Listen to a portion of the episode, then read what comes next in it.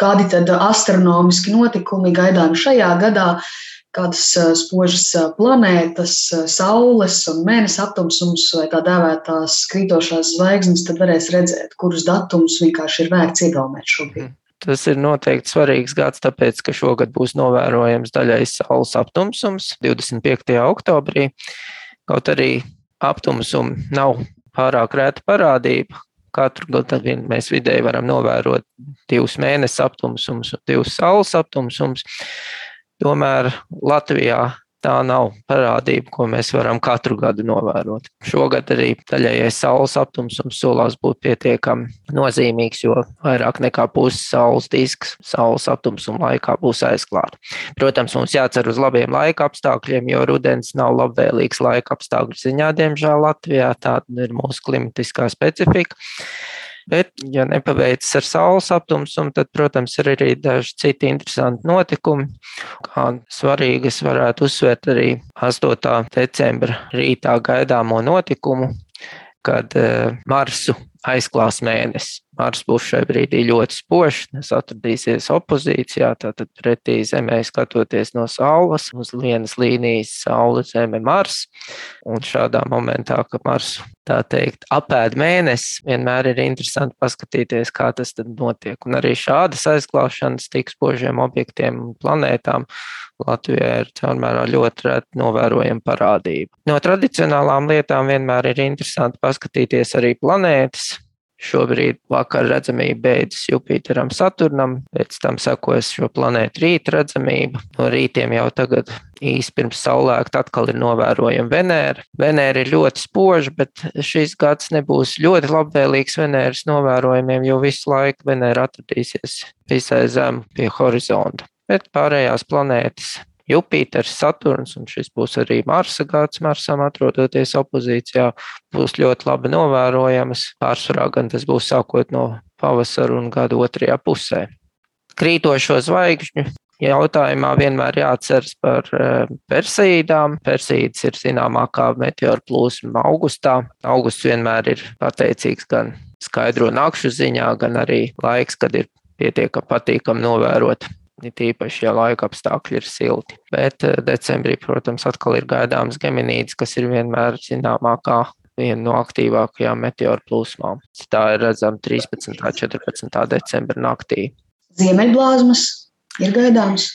Šobrīd mēs redzam, ka salīdzinot prognozēto saules aktivitāti, reālā saules aktivitāte šobrīd jau ir izteiktāka par šīm prognozēm.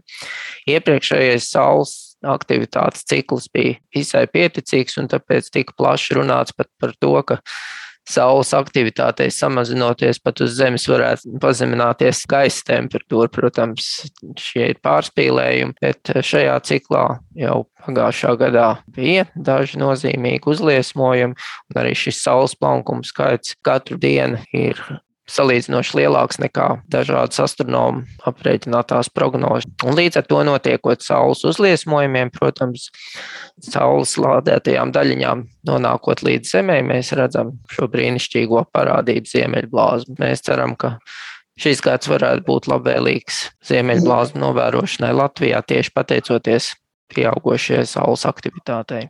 Kā ir kopumā, vai var teikt, ka šis gads eh, ir kaut kādā veidā īpašāks nekā citi, un eh, vai visām tām jūsu uzskaitītajām parādībām eh, ir nepieciešama kaut kāda arī palīga līdzekļa, vai šo visu var vērot jebkurš? Manas minētās parādības noteikti ir tās, kas neprasa īpašu aprīkojumu. Izņēmums ir saules aptumsums, saules aptumsuma novērojumiem, gan ir jāatceras, ka ir jābūt eh, speciāliem filtriem. Tur nedrīkst izmantot aptumšotus stikliņus, tāpēc interesantiem vienmēr saulēcīgi ir jāpainteresējas par to, kādi ir speciāli filtri, lai nesabojātu redzi, novērojot saules aptumsumu. Atceramies, ka uz saules skatīties ar neapbruņot acis ir aizliegts. Bet citādi planētu novērošana, meteoru novērošana ir tās lietas, kas ikvienu interesantu var piesaistīt un neprasa speciālu aprīkojumu. Protams, ja ir mājās neliels teleskops, un mūsdienās jau teleskopa iegāde nesagādā nekādas problēmas, pat nelielā teleskopā būs vienmēr ļoti jauki aplūkot gan Jupitera pavadoņus, gan Saturna gradzenus. Un šīs detaļas var pamanīt arī pat ar pietiekami spēcīgu binokli. Tā kā uz vispārējā fona, kad mums ir iestājies, var jau būt digitālais nogurums, un mēs visi sēžam tikai Zoom mīt vidē. Tad, protams, izējot ārā un paskatoties debesīs uz viegli pamanāmām lietām, tas var būt pietiekami relaksējošs moments un, protams, arī ieinteresēt cilvēkus tieši par eksakto pasauli. Ja jau iesākāt par šo ieinteresētību, tad Latvijas astronomijas biedrībā apvieno gan amatierus, gan profesionāļus, bet vai šī kustība Latvijā šobrīd arī ir augoša?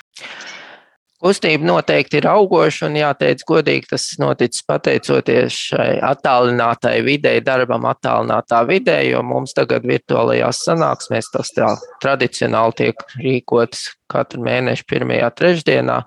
Pievienojas interesanti ne tikai Latvijā, bet arī no citām pasaules valstīm tāds plašākais geogrāfiskais pārklājums mums ir bijis sanāksmē, kurā piedalījās mūsu kolēģi gan Krievijā, Zviedrijā, Vācijā un pat Francijā.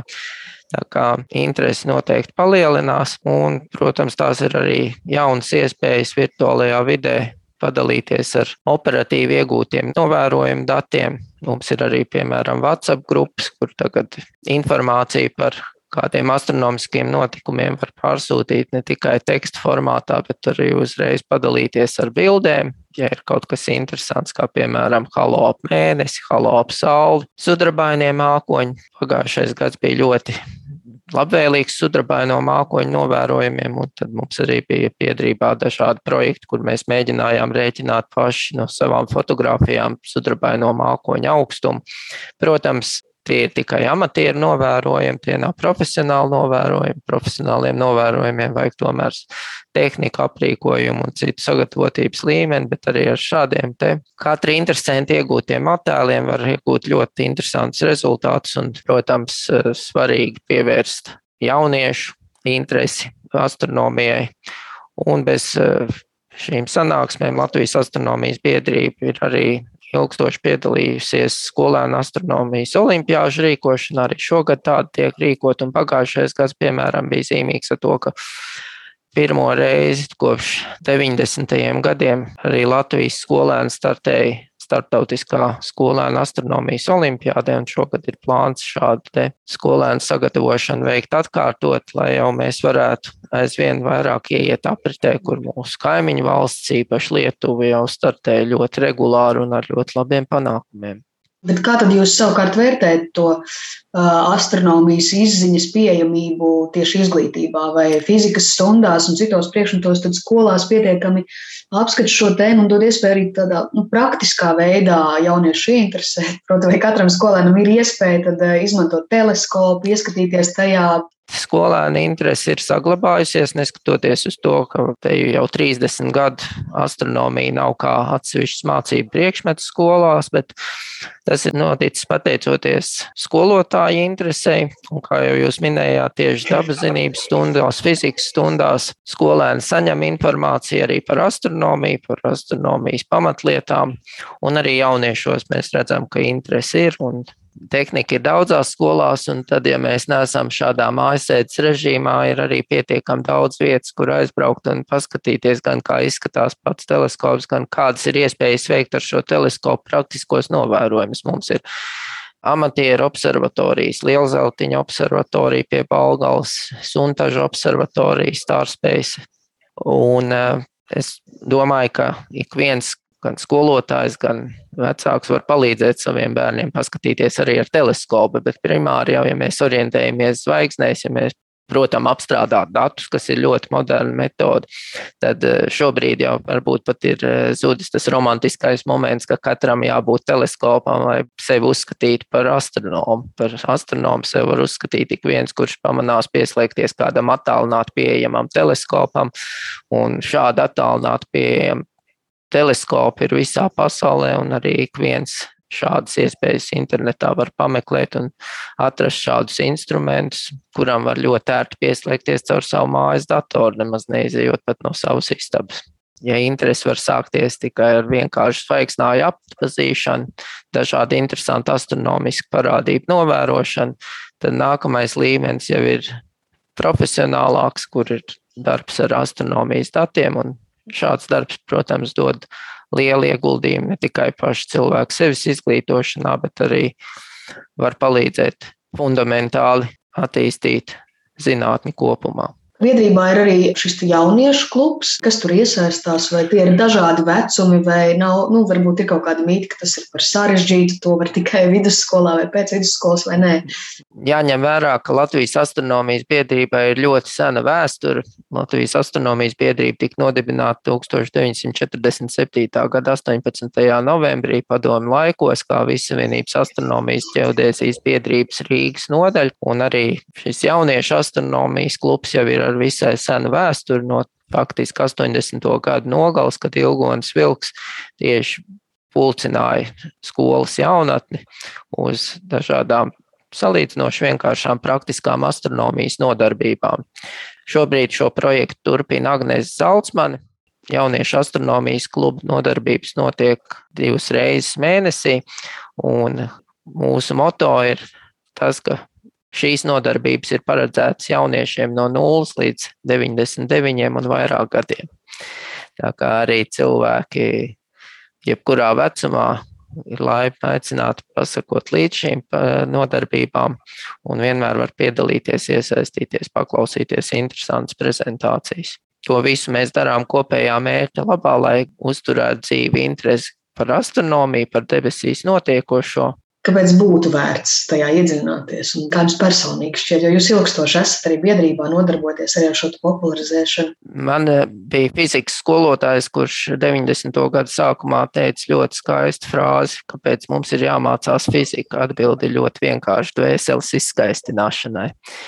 Tie bija ļoti skaisti vārdi, kas man uz visu mūžu ir palikuši atmiņā, un tieši astronomijas varētu raksturot ar šiem pašiem vārdiem bet bez šīs praktiskās vienkāršās intereses. Protams, ir jāņem vērā, ka tehnoloģijas, kur attīstība ir saistīta tieši ar astronomiskiem pētījumiem, ļoti bieži ir kļuvušas par mūsu ikdienu. Un mēs pat, godīgi sakot, nezinām, cik daudz no tām lietām, kas ir gatavotas tieši astronomiskiem novērojumiem, ir kļuvušas par mūsu ikdienas rīkiem, kaut vai mobilajā telefonā, mobilajos sakaros. Tādā veidā mēs varam veicināt ne tikai sevis pašu izglītošanu, bet arī dažādu modernu tehnoloģiju attīstīšanu. Tā kā šeit spektrs ir ļoti plašs. Vai mums ir visi tie iespējamie pieejamie rīki, lai Latvijā zinātnē, tostarp arī astronomiju, popularizētu? Labi, mums ir muzeji, Uh, ir zinātnieku naktis, kur uh, nu, tiešām interesanti, ja grib, var interesēties. Bet vai, vai zinātnīs joma ir pietiekami atvērta, vai mums vajag tādu centru, kā es nezinu, tāpat kā kaimiņiem, piemēram, Tartu ir šis zinātnīs centrs, vai tas pietrūkst šobrīd Latvijā? Varbūt šai ziņā mēs nedaudz atpaliekam no mūsu kaimiņiem, gan Lietuvā, gan Igaunijā, jo jūs minējāt Tartu, tad, piemēram, Lietuvā Molētos ir etnokosmoloģijas centrs, kur noteikti vajadzētu apmeklēt tik vienam Latvijas iedzīvotājam un paskatīties, cik daudz lietuviešu ieguldīja līdzekļus šāda etnokosmoloģijas centra modernās versijas izveidošanā. Bet eh, mēs esam priecīgi, ka arī Latvijā ir eh, jau konkrētas vīzijas iezīmējušās, un mēs zinām, ka šobrīd ir eh, jau izstrādes stadijā projekts par kosmosa izziņas centra izveidošanu cēsīs. Kā mēs ļoti ceram, ka varbūt ar šiem varbūt pat mērogā nedaudz mazākajiem centriem, mēs tomēr pietuvosimies arī saviem kaimiņiem. Bet es ļoti ceru, ka attīstoties iespējām un arī augot sabiedrības interesei par šo zinātnes popularizēšanu, mēs redzēsim daudz jaunu un vērtīgu projektu realizāciju jau tuvākajā nākotnē.